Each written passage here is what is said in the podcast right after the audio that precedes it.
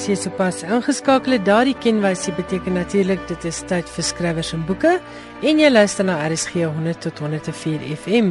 Baie welkom by Finansie Skrywers en Boeke. Ek is Elsje Salzwetel. Heel eerste groot nuus oor die wenners van NB Uitgewers se groot Afrikaanse romanwedstryd vir 2015. Ons het so week of 3 gelede oor die finaliste gepraat. Vanaand kan ons die wenners aankondig. En hulle wen 'n eislike 350 000 rand aan prysgeld. Dit is verlede week tydens 'n baie lekker funksie in Kaapstad aan die wenners oorhandig. In die oop afdeling was die wenner die laaste goeie man deur Dan Slay. Naaswenner was Chinese deur Etienne van Heerden en die derde plek is behaal deur Brandwater kom 'n boek deur Alexander Straggen. Die debuutafdeling se wenner was Die Skaalmodel deur Annelie Groenewald. Die wenner ontvang 200 000 rand. Dit is dan nou die groot wenner van die oop afdeling.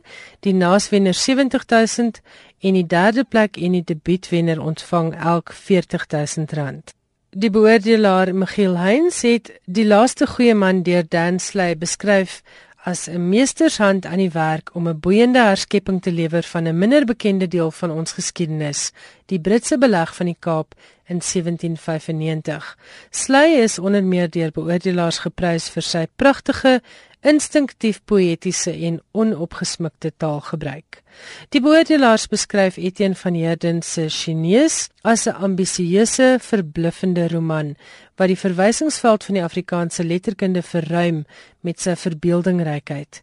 Brandwater kom deur Alexander Straggen word beskryf as 'n bloedstollende oorlogsverhaal en 'n diepsnydende ondersoek na die verraderlike manier waarop verhale met ons oploop gaan.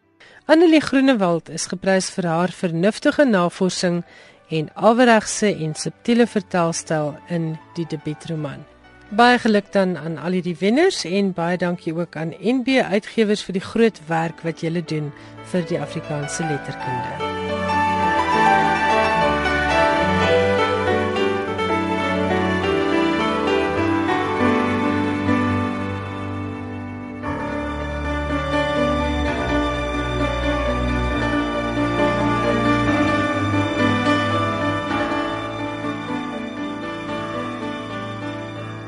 Nou is dit tyd vir ons eerste gesprek. Suzet Kotse Meiber gesels in Kaapstad met Elsa Winkler. Baie welkom by ons vanaand Elsa. Baie dankie Susie, dis heerlik om saam te kuier. Ons gesels oor die skryf van liefdesverhale en dis 'n genre waarin jy as skrywer baie vinnig opgang gemaak het. Wanneer is jou eerste boek gepubliseer? Weet jy dit was 2009? Ja, 2009 gepubliseer die eerste ene tussen jazz en rock. En daarvoor het jy sommer die volgende jaar al 'n ATKV veertjie gekry. Ja, dit was 'n fisieke lekker verrassing. Ek het dit glad nie verwag nie, so dit was baie nice, ja. Ek skryf iets wat jy lank al wou gedoen het want jy was duidelik nie jy weet meer 'n kyk en toe jy begin skryf het nie. Ja, weet jy, ons het kinders groot gemaak voel vir my my grootste gedeelte van my lewe en daaruit bestaan. En hierdie was toe daar was 'n rooi rose tydskrif het 'n het 'n kompetisie gehad en toe sien my man en my kinders albei met hulle is eintlik raak fisiek skaam vir my oor die boekies wat ek gelees het. Maar lees so baie van die stories ek kan nou net so wel begin skryf. toe ek nou die webwerf sien toe dink ek ek gaan probeer. Ek kan mos net maar net vir my sê nee wat don't lose your day job toe En toe was ek gelukkig genoeg om dit te wen en die prys was dat die boek gepubliseer is deur Lapa Uitgewers. So ja, ek was baie opgewonde daaroor. So, so jy het sommer net begin met 'n treffer. Ja. ja, die daai eerste storie was nou nogal juis oor iets wat gebeur het in die departement Engels waar ek gewerk het, waar ons 'n uh, dosent gehad het uit heeltemal 'n ander departement wat toe besluit het my wil Engels kom doen as eerste jaar en dis toe nou nie daar wat ek die gedagte gekry het van die storie. En hoeveel boeke het jy nou al? Weet jy, ek dink is 18. Daar is op die oomblik 18. Daar's twee Engelse boeke wat nou nog in die jaar uitkom. Wel, dis nou dan plus nog Afrikaanse ene jaar. Maar dis amper 3 boeke 'n jaar. Is ja, ek probeer so 3, 4 boeke 'n jaar skryf. Sjoe, ja, nee? ja. Hoe lank skryf jy dan aan een manuskrip? Weet jy dit is uiteindelik maar 'n werk van 8 tot 5 ek ek forceer ja. myself om elke dag te gaan sit en dan uh, afhangende van hoe dit nou gaan die storie wil ek nou nie altyd doen wat jy wil hê hy moet doen nie maar ek sou so tussen 2 en 3 maande maar gewoonlik probeer ek dit afhandel in 2 maande en waar kry jy al jou stories vandaan jy die mense om jou die goed wat jy lees en dis baie keer net 'n 'n klein gedagtetjie. Ek het nou byvoorbeeld vir hierdie jaar op die lenteskool by Potch 'n praatjie gehou vir ander skrywers oor hoe beskryf mense die soen. En navorsing gedoen oor waar dit nou vandaan kom en daar's 'n wonderlike boek geskryf deur 'n bioloog wat navorsing gedoen het oor die hele ding van Ja. die soen. En net daai stories wat ek rondom dit gelees het, het my toe nou aan so baie goed laat dink en ek het onder andere 'n kort verhaal geskryf wat nou binnekort in die Rooi Rose verskyn. So ja, dis dis baie keer iets wat jy lees, dis baie keer iets wat mense sê, stories wat jy hoor van ander mense. Daar's eintlik en daar's die wonderlikste liefdesverhale wat jy hoor by mense. Ja, natuurlik elke paartjie het eintlik 'n liefdesverhaal. Baie mooi storie. En elke mens het ook 'n liefdesverhaal of hy nou goed of sleg geëindig het, Ja, né? ek kan natuurlik van die met 'n happy ending, maar ja. ja. En eh, wou jy altyd skryf? Ek het altyd gehou van uh opstelle skryf toe ek op skool was en op college en selfs op universiteit. Ek het uh deur die NISA my voorgraads gedoen. En dit was altyd vir my die lekkerste deel was die skryf, maar ek het dit nooit aan myself gedink as ek gaan nou weet 'n boek skryf nie. Maar dit dit kom baie maklik. Ek het altyd hierdie gesprekke in my kop gehad van twee mense met mekaar. Geen ek almal is maar so tot ek nou agtergekom het nee, dit is definitief nie so nie. maar is seker dialoë, jy weet, mm. van tussen mense en dit dit was ehm um, toe ek dit nou kan neerskryf en jy weet dit moet sin maak en dit met die storie bevorder. Dit ja, ek weet dit kom vir my baie maklik en baie natuurlik. So dis al hierdie kreatiwiteit borrel sommer hierso in jou kop gedurig. Ja, nee, ek ek dink so. Ek weet nie of dit kreatiwiteit of die mekaarheid of wat jy dit moet noem nie, maar ja, dit kom uit in 'n storie. En jy's een van die minskrywers wat nogal 'n besonderse ding doen en dit is dat jy in Afrikaans en Engels publiseer. Hoe doen jy dit? Vertaal jy? Nee, nee, nee, dit is nogal 'n interessante ene want jy jy moet dink in die taal wat jy skryf. Ja. En ook in in Afrikaans skryf ons gewoonlik in die teenwoordige tyd terwyl Engels jy kan teenwoordige tyd, jy kan eerste persoon. Ek dis vir my makliker derde persoon, dit makliker in die verlede tyd in in Engels. Ek het groot geword met baie Engels lees, liefdesverhale lees. So dit was altyd vir my half jy weet ek dis wat ek baie graag wil doen, maar ek geniet ook die Afrikaans verskriklik baie want daar's goed wat jy in Afrikaans kan sê wat jy net nie anders kan sê nie. Die teenoorstelling is ook waar Ja. dat daar's baie keer in Engels vir alles dit kom by die beskrywing van liefdestonele. Goed wat in Afrikaans net nie goed klink nie. Nie nie sexy klink dit. Ja. So wat in Engels wel die geval is. So jy het moet 'n besonderse goeie taalaanleg hê. Ek was altyd baie lief vir tale, ja, en ek dink ons het 'n wonderlike onderwysers gehad op uh, Hoërskool Appington waar ek groot geword het, Afrikaans en Engels. En ek dink my liefde het, het daar begin, ja. Mens tipeer nou ook maar maklik, maar ek sou nie dink dat Appington 'n 'n wêreld is waar jy vreeslik baie blootstelling aan Engels as kind kry nie. Weet jy, ons was baie lief vir fliek. My pa was 'n groot fliekganger en ons het elke Vrydag aand, wat ek onthou, is hy het met ons drie kindertjies fliek toe. My ma het by die huis gebly, ek het baie later eers verstaan hoe sy daarna moes uitsien. Maar ja, so ons het met flieks groot geword van die ou klassieke flieks elke Vrydag aand het ons gaan fliek en ek dink dis maar daar wat ek Natuurlik. wat ek die Engels opgetel het. Wie publiseer jou Engelse boeke? Die twee wat op die oomblik uh, daar buite is is is uh, Escape Publishing wat 'n imprint is van van Harlequin. Hmm. Ek het ook twee wat nou in die loop van die jaar uitgegee word deur Utopia Press wat in in Amerika is. En hoe het jy in daai mark ingekom want sover ek weet is dit regtig moeilik. Dit is baie moeilik. Baie neus. Baie neus, baie keer so tussen die tapuit en die vloer moes uitkruip en besluit maar ek wil dit doen. En dan is daar net iemand wat wat jou storie wil hê en wat dit verstaan. Dit is 'n is 'n wonderlike gevoel. In Engels die mark is soveel groter, daar is soveel meer skrywers. Daar's soveel meer onderafdelings in die liefdesverhale en daar's definitief tendense. Op die oomblik is dit nou vreeslik, jy weet, almal alles wat paranormaal is, alles wat 'n vampier het of en dan uh, uh, uh, jy weet dit is nou almal wil dit sien en lees. So ja, dit mense moet half daaraan ook dink, maar uiteindelik vir my ek hou van 'n storie skryf in die hedendaagse, die tipiese contemporary soos hulle dit Ja. nou in Engels noem. Ja. En waar plaas jy dan jou Engelse verhale? Weet jy, ek skryf die agtergrond in in, in Suid-Afrika en dit is vir my so wonderlik die terugvoer van lesers hoe hulle dit geniet.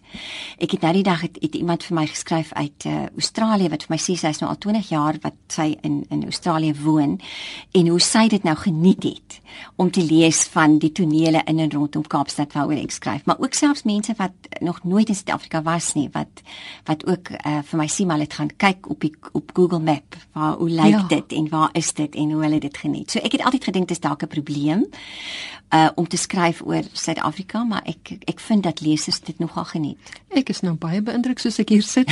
um, iemand soos Dion Meyer uh, wat nou al so lank vertaal word en wat baie goed doen veral in Amerika. Ek dink dit bevorder dit ook. O ja. Dat lesers nee, meer bewus is. Ja, ja. Nee, kyk hy kan mos ook nou 'n toneel beskryf dat jy soort van voel jy is daar. Ek dink dit Ja.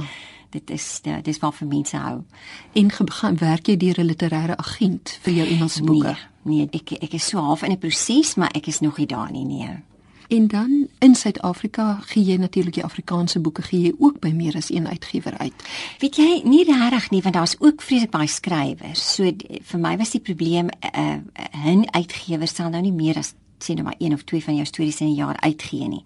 So as jy meer as dit wil skryf, dan moet jy definitief by nog 'n jy weet 'n uitgewer betrokke raak. Uh, op die oomblik wat werk is dis eintlik soort van uh, verskillende tipe stories wat wat die verskillende uitgewers skryf. By by Lapa uh, uh, is dit jou liefdesverhaal, wil ek nou amper sê die soeter ene. Ja. Terwyl uh, by Tafelberg uh, die Satijn reeks wat 'n bietjie meer stoomende tonele het. en dan het ek ook nou by Stryk 'n boek uit wat 'n inspirerende inslag het waar in Noord waaroor ek baie opgewonde is en wat ek vreeslike goeie terugvoer oor kry waaroor ek baie bly is. Meer 'n geestelike inslag. Ja, ja, ja, dit gaan oor vergifnis die storie uh, basies en ek dink dis miskien iets in ons land wat mense aangryp, jy weet die idee daaroor. Ek dink dis deels oor die oor die terugvoering. Nou as ek nou so kan vra, word van jou manuskripte nog afgekeur? Nie in Afrikaans nie nee, nie in Afrikaans nie, maar in Engels het ek wel, jy weet kry ek wel dit dat dit hulle sal sê luister, jy moet miskien dit of dit of ja, maar maar op die oomblik in die Afrikaans nie nee. En met die Afrikaanse manuskripte is daar kry jy jou keurverslae en dan moet jy nog werk aan sê nou maar iets van die intrige of karakterontwikkeling. Weet jy aanvanklik baie want ja ek ek moes baie leer. Janet Pa ons noem altyd vir haar juffrou Rottermeier. sy sy het ons manuskripte by Lapa, jy weet pynlik deurgegaan en dan o, oh, is dit baie erg vir jou 'n brose skrywersielietjie, maar so leer jy. En Ja. en uh, ja, en ek gelukkig die laaste paar is is net, net so aanvaar. Ja, so jy, ek het geleer. Jy het baie vinnig geleer as ek nou kyk nou hoe lank jy nou al skryf.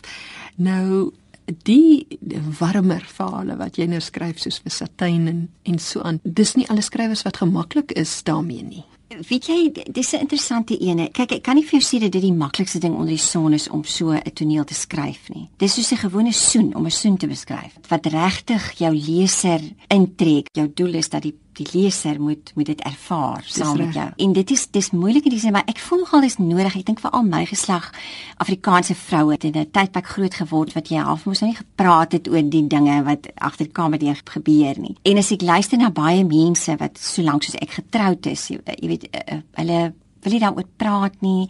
Hulle koes daarvoor. Ek meen ek het al gesprekke bygewoon met vroue se jou vertel wat hulle als doen om seker te maak hulle man slaap as hulle kamer toe gaan Uit wat vir my baie hartseer is. Ja, ja. En ek dink dis deel van die rede hoekom ek graag daaroor skryf om te vertel en om te wys dat dit eintlik so wonderlik en spesiaal is. Mense het ook van my gesê hoe hoe vind die inspirerende nou deel hiervan?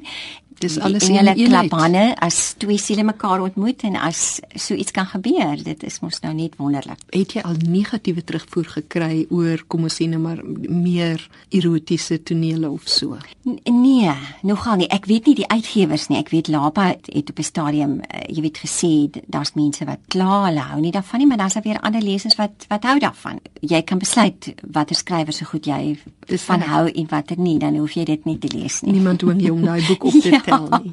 Ja. Daar's so ehm um, so geringskatting van liefdesverhaalskrywers in die algemeen of dan nou die liefdesverhale dat dit so maar net maklik is. Jy moes dit sekerlik al agtergekom het. Hoe Ja. wat wat is jou persepsie daar? Ja, weet jy dis dis so 'n interessante onderwerp. Ek weet nie, ek dink dis omdat die liefdesverhaal bedryf word hoofsaaklik deur vrouens bedryf. Dis vrouens wat skryf, dit gaan hoofsaaklik oor vrouens. Die vrou is in die liefdesverhaal die middelpunt. Sy's Ja. nie die ander, die man is die ander. En ek het so 'n idee dat daar's iets in die bestaande orde wat nie baie hou daarvan nie. Dis die eerste keer wat ek dit hoor en dit is maak nogal ja, baie sin. Ja, dis dit is baie interessant en ek ek dink net die liefdesverhaal sk skrywe die vrou van vandag met die probleme wat sy vandag hanteer. Sy het kinders, sy moet werk, sy en die man stem nie ooreen oor alles nie. En wat moes ook interessant is is, is in die middeleeue is daar oor die liefde geskrywe. Saam met dapperheid en edelheid was dit een van die onderwerpe. En ek dink met die met aan die begin van die 20ste eeu na die Eerste Wêreldoorlog was daar so, daar's hele geslag mans uitgewis. Mense was uh, geweldig depressief want ek hmm. dink aan die aan die einde van daai eeu het mense so gedink, "Ag, die mense het nou ver gevorder. Kyk na ons kinders, kyk wat kry ons reg en toe steed die oorlog." Ja.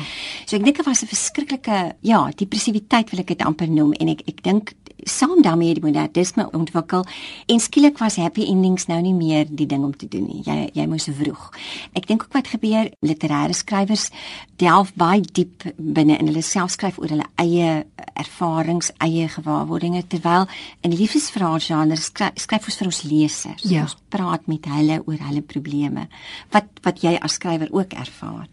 En ek dink mense vind aanklank. Die een storie wat ek geskryf het het so 'n bietjie geraak aan mishandeling van vroue en ek het nogal gewonder nie uitgewer was ook bietjie huiwerig want dis nie jou tipiese onderwerp wat 'n Nee. liefdesverhaal hanteer nie. En dit was vir my wonderlik hoeveel mense dit geraak het op op soveel vlakke. Ek weet nou van 'n spesifieke leser wat sy lewe so verander het, want dis die eerste keer wat sy verstaan het dat wat met haar gebeur het was nie reg nie. Dis 'n deel van die lewe wat glad nie te geringskat is nie, Ja. daai die plek wat liefdesverhale vul. En ek onthou as kind was dit my leer lees plek omtrent om om 'n lang teks te kan lees en dit wat ek uit liefdesverhale uitgeleer het, jy weet, kan jy ook boeke vol skryf 'n Ja. veilige manier om menseverhoudings te leer ken en te sien hoe dinamika tussen mense werk. En as kind jy jy absorbeer dit alles Ja. onbewustelik. Ja, nee, Vind jy dat jy seker. ook jong lesers het sien, maar skoolmeisies en Ja, ek het so enetjie wat vir my geskryf het, Tannie. Hulle sê vir my Tannie, Tannie Elsa. Ek is 13 jaar oud. Ek mag nou seker nie alles alles gelees het in die boekie, maar ek het dit so geniet. so ja, skoolkinders, studente, ja. En die ander mense. ding van die liefdesverhaal, hierdie groot ding is natuurlik die party mense sê, sê dis 'n totale mite is dat mans nie liefdesverhale lees nie. Wat vind jy? Weet jy, ek het mans gehad wat van my sê hulle lees Nora Roberts wat nou, jy weet die, die hoof van Duna is wil ek nou amper sê van die Engelse tipiese li- liefdesverhale, want hulle wil vrouens probeer verstaan. Mm. My man lees my stories, maar ek dink nie dis nie sy eerste keuse om liefdesverhale noodwendig te lees nie, maar jy kry mans, ons het ons het mans lesers wat reageer op die blogs wat wat ons het wat dit geniet en wat Ja. ja, uh, ja wat nie kan wag vir die volgende een om te kom nie. Ek dink sommer moeders ja. moet begin om vir hulle tienerseuns liefdesverhale te gee Ja. want daar's geen beter plek om te leer oor vrouens om nie. 'n vrou te hanteer en om hulle te probeer verstaan. Net so. Sommer net wat is jou man se terugvoer dan?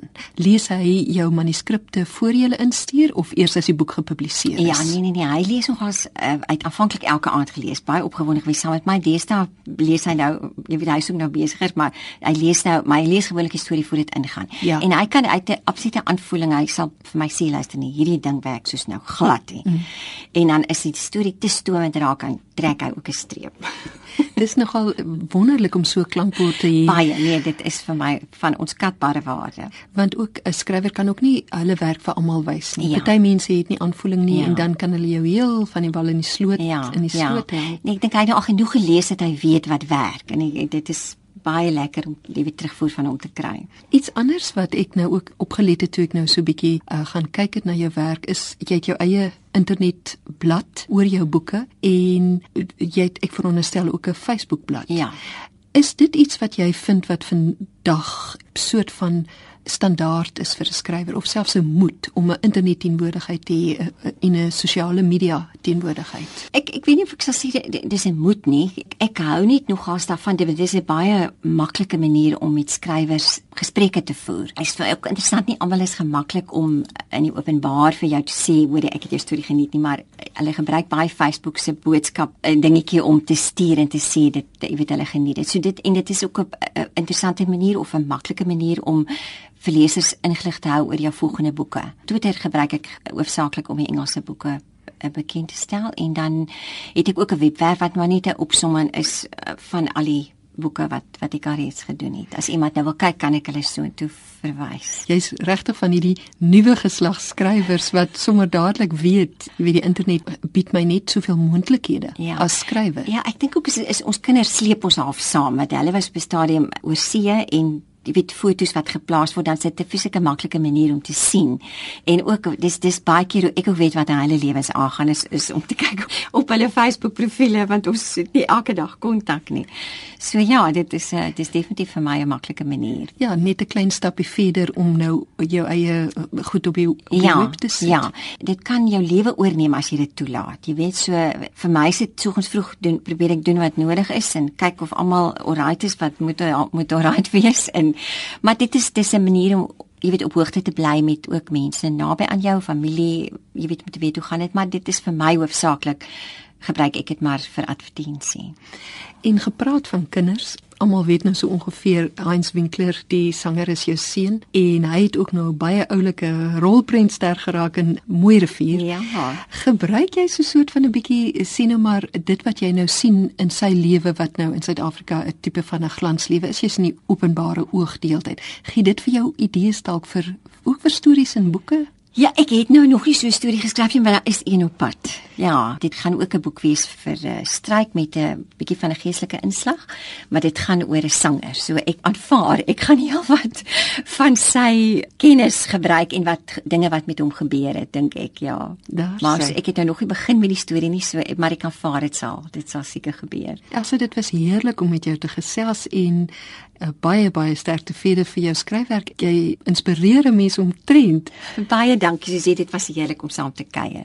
Jy het geluister na Suzette Kotse Meiburg in gesprek met die skrywer Elsa Winkler. En jy's net betyds vir Johan Meiburg se lekker gesprek oor die internasionale letterkunde.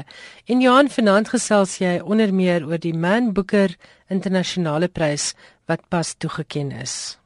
Dis reg, dis juis literêre pryse soos die Nobelprys vir letterkunde en die Man Booker International wat ons leeshorisonne verbreek met die aankondiging van wenners wie se werk in ander tale as Engels aanvanklik roem verwerf het.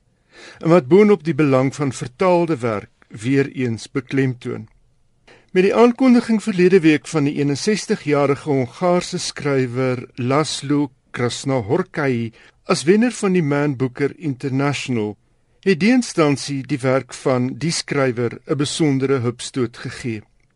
Benewens die net minder as 'n miljoen wat die wenner van die prys kry, is daar ook 'n vertalersprys van sowat 277 000 rand wat die vertalers van die werk toekom. Vyf van Krasnahorkai se romans is vertaal en Ottilie Moulzet en Georges Chirtes deel vanjaar die prys.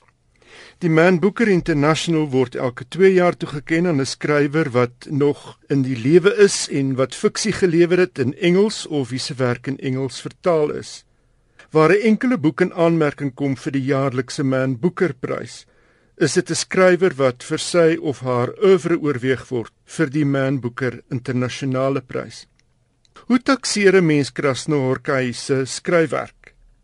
Nou George Chirtes, digter en vertaler van Krasnohorkai se werk, beskryf dit as 'n tra lava vloei van narratief, 'n eindelose swart rivier van letters. Sy sinne, 'n enkele sin kan oor 'n hele hoofstuk strek, gee die gevoel van oneindigheid. Hy skryf sonder paragraafaanduidings. Dit was met sy debuutroman van 1985 Satantango waarmee Krasnohorkai die Hongaars lesende wêreld in rep en roer gehad het. 'n Boek wat toe dit in 2012 in Engels vertaal is, die volgende jaar die Amerikaanse prys gekry het vir die beste vertaalde boek in Engels. Satantango is waarskynlik Krasnohorkai se beroemdste boek. Dis die verhaal van 'n dorpie in kommunistiese Hongarye waar ene Irimias 'n man wat mense gedink het is 'n profeet of 'n agent van die duiwel en wat lank reeds heen is, uit die niet verskyn en die inwoners begin manipuleer.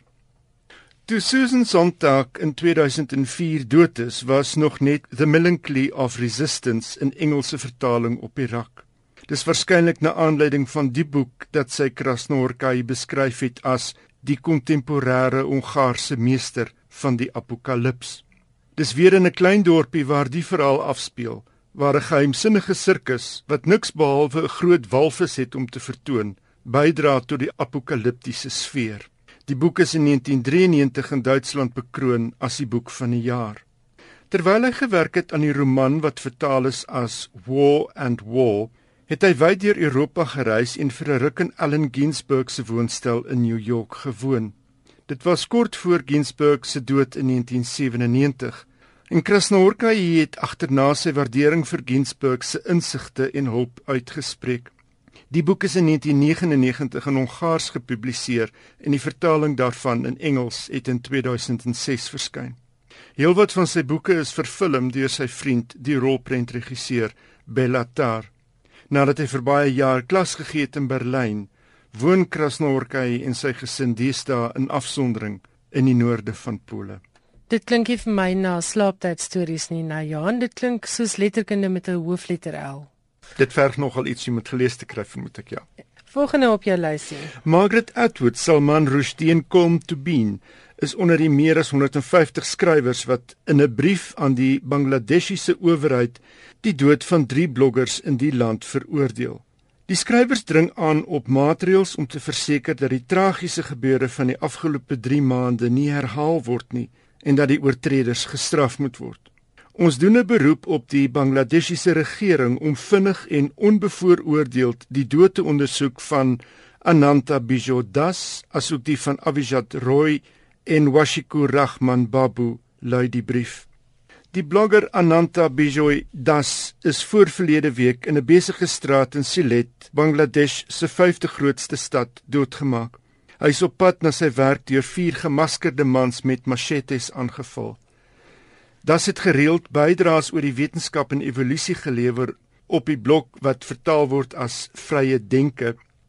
Hy was in verskeie van die artikels krities oor Islam en die Hindoeïsme. Avijit Roy en sy vrou Rafida Ahmed is in Februarie aangeval op 'n besige sypaadjie op pad terug van 'n boekfees op die kampus van die Dhaka Universiteit. Roy is in die aanval met machetes doodgekap. Hy was betrokke by internasionale proteste teen sensuur van regeringskant en die aanhouding van bloggers. In Maart is die blogger Washikur Rahman in Dhaka vermoor. Sedert 2013 is altesaam 6 skrywers in Bangladesh vermoor. Die skrywers van die brief sê hulle is diep besorg oor die toenemende geweld teen skrywers en joernaliste wat op 'n vreedsame manier uitdrukking gee aan hul sienings. The Guardian, die Britse koerant, het die Bangladeshiese Hoë Kommissariaat in Londen gepols vir kommentaar, maar dit het nie gereageer nie.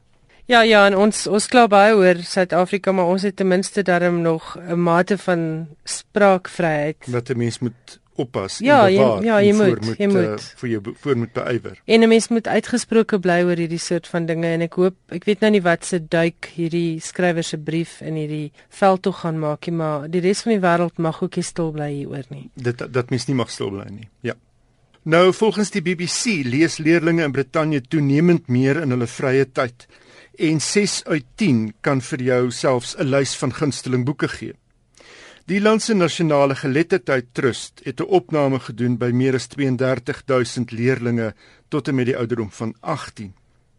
Uit die opname het gebleik 40,2 meen lees is 'n gawe ding om te doen.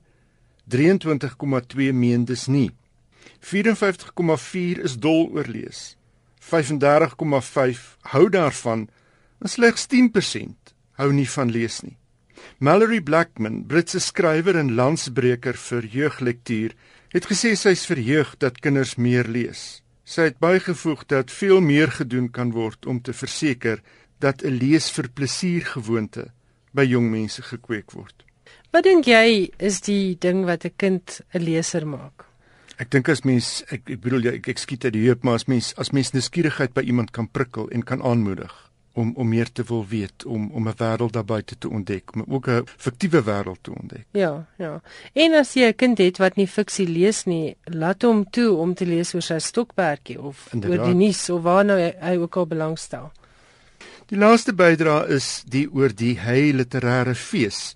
Nou, die jaarlikse letterkunde en kunstefees is die afgelope naweek weer in die Walliese dorp Hey on Wye aangebied.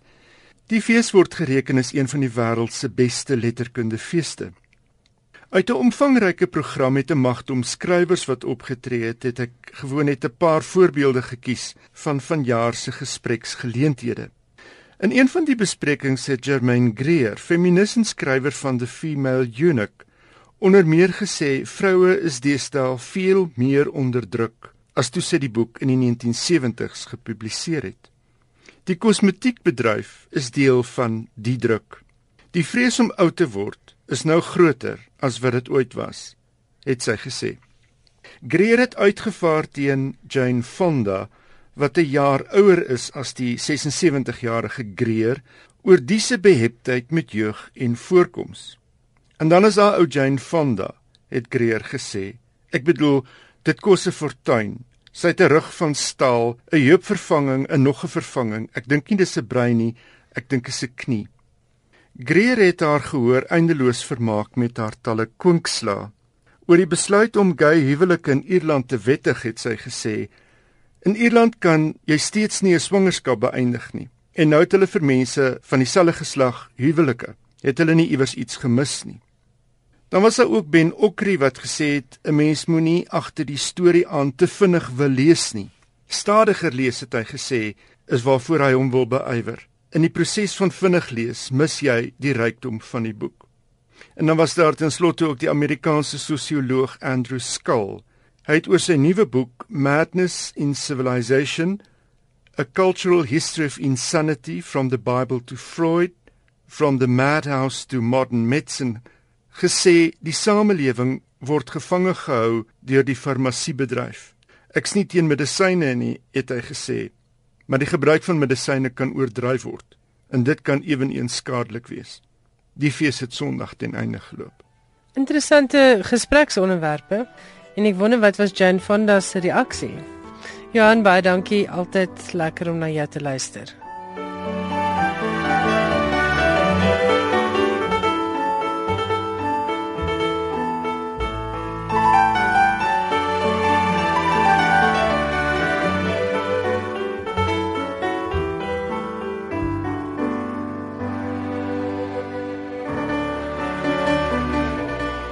Ek is Elsje Salzwetel en nou is dit tyd vir ons derde en laaste gesprek met die Kaapse kenners oor publikasie.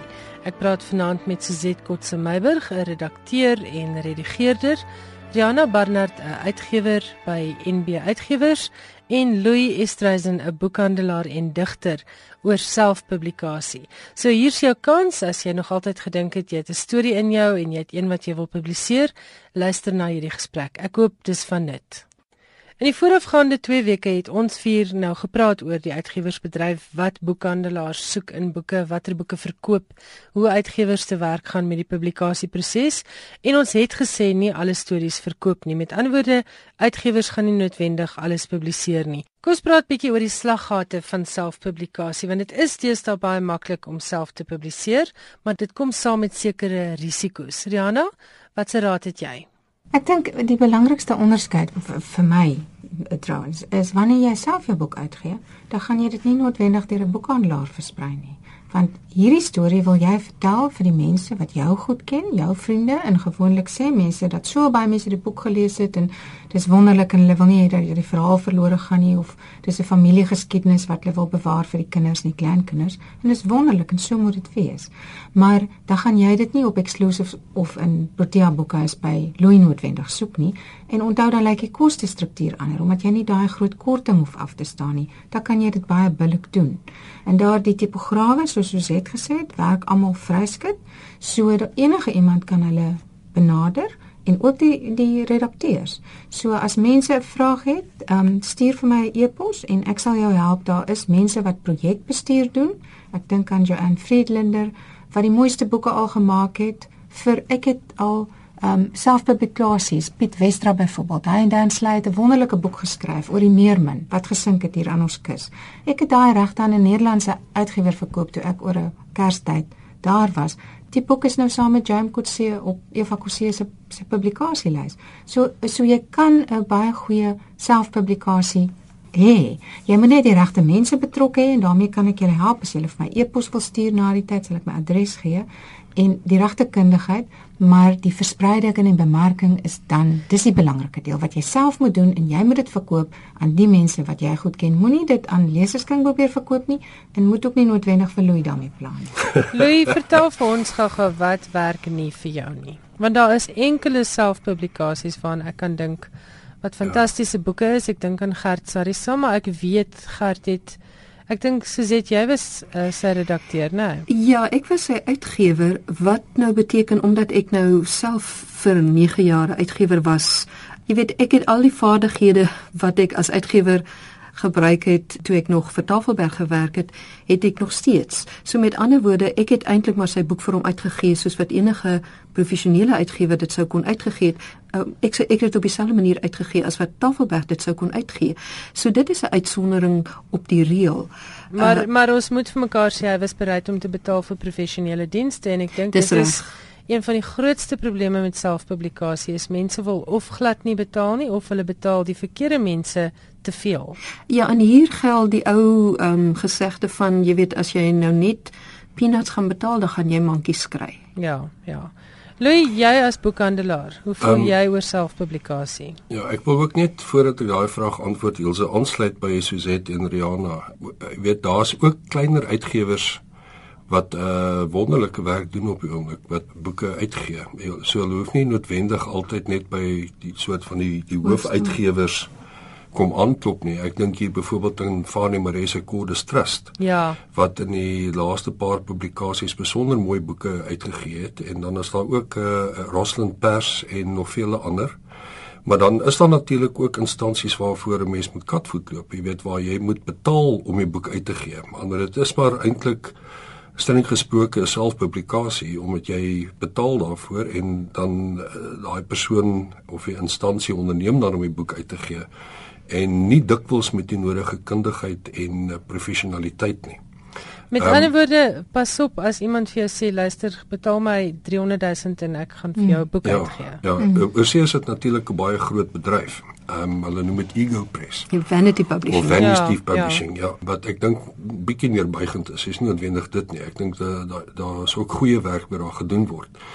Maar in wese kom dit daarop neer Ilse dat die die die die eindproduk die boek moet getuig van gehalte van vakmanskap. Ehm um, soos ek gesê het uh, vroeër ook jy weet van die uitleg die redigering is gewoonlik die groot probleem by by selfpublikasies is dat dat daar baie foute in die teks is. Het sy setfoute het sy taalfoute en dis a, dis 'n besliste nee want 'n mens moet respek hê vir jou leser. Wel as jy wil geld vat by iemand vir daai produk dan dan moet dit daarom die geld werd wees. Ja. Jy weet En in daai opsig is ek dikwels baie teleurgesteld wanneer ek dan hierdie boek ontvang en want 'n mens wil graag die sulke persone ondersteun. Jy weet elke persoon wat 'n boek skryf glo hierdie boek is 'n wenner en dit is 'n nuwe stem en is autentiek en eg en al daai dinge wat Rihanna in 'n vorige program genoem het. Jy weet elke digter wat self publiseer dink hy is die volgende Breiten Breitenberg of Antjie Krog. Jy weet mm. ehm mm. um, En 'n mens moet respek hê vir daai ambag en jy moet bereid wees om uh, te luister na kundiges en gehoor te gee aan hulle hulle leiding. En uh, en dit geld ook vir al hier vir die vir die vir die buiteblad weet uh, ontwerp. Um, die manier wat die boek verpak word en en natuurlik die inhoud daarvan ook. En ek dink daar het het uh, soos wat soos het genoem met Gert Sarasam dink ek is 'n baie goeie voorbeeld wat kundiges betrek het. Ehm um, daar's ook ander boeke daar so 'n uh, Joshanel wat 'n uh, boek oor die Tsitsikamma uitgegee het, 'n groot formaat boek wat hy teen 'n redelike uh, bekostigbare prys beskikbaar kon stel. Daar was oom Tenus Eis. Dis nou toevallig Ja, oom Tenus, ek onthou ja, sy boeke. Jy weet ook mm. oor oor uh, die Namakwa-land wêreld wat ook baie netjiese boeke was en baie goed gedoen het. Ja, 'n mens is lus om 'n boek te lees waar jy nie op bladsy 1 al deur 10 spelfoute gekonfronteer word nie. Die die die die punt van die saak is Ilse dat die die kontaktyd tussen die potensiële koper en die boek is letterlik 'n paar sekondes. Ja. Want daar's normaalweg 'n uitstalling van boeke of 'n verskeidenheid van boeke. Ek meen jy praat van van duisende titels, jy weet, en en jy kan nie elke boek dieselfde aandag en fokus gee nie.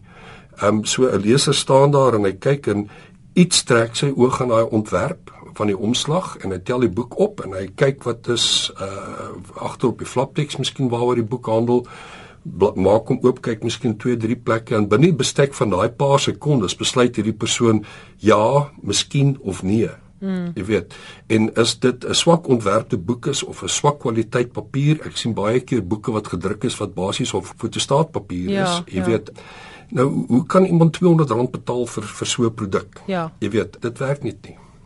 Julle ons tyd is nou ongelukkig uh op. Ek dink ons kan 'n hele seminaar reël hieroor. Maar ek wil baie dankie sê vir die moeite wat julle gedoen het met die gesprekke die afgelope 3 weke. Ten slotte, laaste woorde Suzette Rihanna en Louis en ook Rihanna, jy het 'n kontakadres beloof. Ja, mense wat raad wil hê met selfpublikasie, kan vir my e-pos stuur. My e-posadres is my voorletter en van rbarnard b a r n a r d @tafelberg.com en um, dan sal ek vir julle in die regte rigting probeer wys. Goed. Uh, ons moet ook onthou van Hemel en See uitgewers betrof na Metlerkamp. Hulle doen ook fantastiese werk Absoluut. met selfpublikasie. Ja, Veral vir daai soort familieverhale wat mense nie wil laat uh, ja. verlore gaan nie. Ja. Wel, daar's 'n verskeidenheid. Mm. Jy maar jy uh, gaan vir hulle van almal sê as hulle julle kontak. Ja, en ek kan self ook navorsing doen. En Louis, jy weet jy dalk van iemand wat ons nou oor die hoof gesien het? Nie so vinnig nie, Ilse. Goed, wat wil jy ten slotte vir die luisteraars sê as boekhandelaar? Ek dink jy wil sê hou aankoop. ja, natuurlik. Dink dat dat 'n boek kan 'n verskil maak in mense lewe. Jy weet, uh, wel as natuurlik verskillende redes hoekom 'n mens wil lees. Partykeer wil jy net ontspan, ander keer soek jy inligting. Maar 'n 'n boek is is 'n uh, is iets met ewigheidswaarde. Goed, en Suzette, laaste woord van jou? Oor selfpublikasie wil ek sê mense moet onthou professionele mense moet dit doen. Niemand sal daaraan dink as hulle siek voel om nie na 'n professioneel opgeleide dokter toe te gaan nie. En dieselfde met as jy 'n boek wil uitgegee en dan moet jy jou huiswerk doen. Jy moet soos die Bybel sê, jy moet die koste bereken voor jy die huis bou. Nou die sentrum vir die boek Center for the Book hier in Kaapstad het 'n paar jaar gelede al so baie oulike gids uitgegee kitsgids vir selfpublikasie en hy is ook in Engels. Gaan kry heel eers voor jy enigiets doen, gaan kry daai boek, lees hom deur, kry net 'n idee van die proses van selfpublikasie en dan neem jy jou besluite. Goed, baie dankie julle. Ek het gesels met Suzette Kotse Meiburg, manuskripkeurder en redigeerder, Rihanna Barnard, uitgewer by die NB Groep en Louis Estreisen, boekhandelaar winkelbestuurder by Protea Uitgewers in Stellenbosch en self natuurlik 'n gepubliseerde bekroonde digter. Baie dankie vir julle tyd en ons maak binnekort weer so. Dit was dan die gesprek oor selfpublikasie. Ek hoop julle het dit leersaam gevind. Rihanna Barnard se e-posadres as jy wil navraag doen oor projekbestuurders vir selfpublikasie. Praat gerus met rbarnard@tafelberg.com. Rihanna Barnard by Tafelberg. Haar e-posadres is rbarnard@tafelberg.com. Soos beloof sal sy jou dan in kontak sit met mense wat goeie selfpublikasie werk doen. Pas op asseblief verskelms in hierdie bedryf. Hulle is volop. Ek weet van mense wat al baie groot verliese gely het omdat hulle die son en die maan en die sterre beloof is en uiteindelik nie eers een boek vir hulle geld gekry het nie. Onthou ook van die kitsgids vir selfpublikasie waarvan Suzette Kotse Meiburg vertel het. Dit is beskikbaar by die sentrum vir die boek in Kaapstad. Google hulle gerus, kontak hulle direk. Ek kan ongelukkig nie daarmee help nie en vra vir hulle oor die kitsgids vir selfpublikasie wat hulle 'n klompie jare gelede uitgegee het. Hierdie gesprek is natuurlik ook ouer gewoonte as 'n potgooi beskikbaar, so as jy van iemand weet wat 'n boek wil uitgee en wat dit self wil doen, laat hulle asseblief eers hierna luister. daarmee het ons dan nou aan die einde gekom van vanaand se program. Baie dankie dat jy saamgeluister het na skrywers en boeke. Baie dankie dat jy RSG gekies het vir jou Woensdag aand vermaak. Volgende week is ek weer terug, dan gesels ek met Nicole Stassen oor sy baie indrukwekkende boek oor die Dorsland trek, 'n eislike 700 bladsye van die indrukwekkendste geskiedenisboeke wat ek al ooit gesien het. Ek praat ook met Derek van der Walt, die bekende en bekroonde jeugboekskrywer. Ons praat oor sy skryfwerk in die algemeen en ook meer spesifiek oor Bambaduzi, sy jongste jeugroman. Volgende week dieselfde tyd net hier op Skrywers en Boeke tussen 8 en 9. As jy van jou wil laat hoor, ons e-posadres is skrywersenboeke@rsg.co.za. Die SMS-nommer is 3343 en elke SMS kos R1.50. daarmee groet ek Elsje Salzwetel dan tot volgende week, maar bly ingeskakel vir Dis Klassiek en vir Chill 'n bietjie later vanaand. Ons is dwars deur die nag met jou hier op RSG 100 tot 104 FM.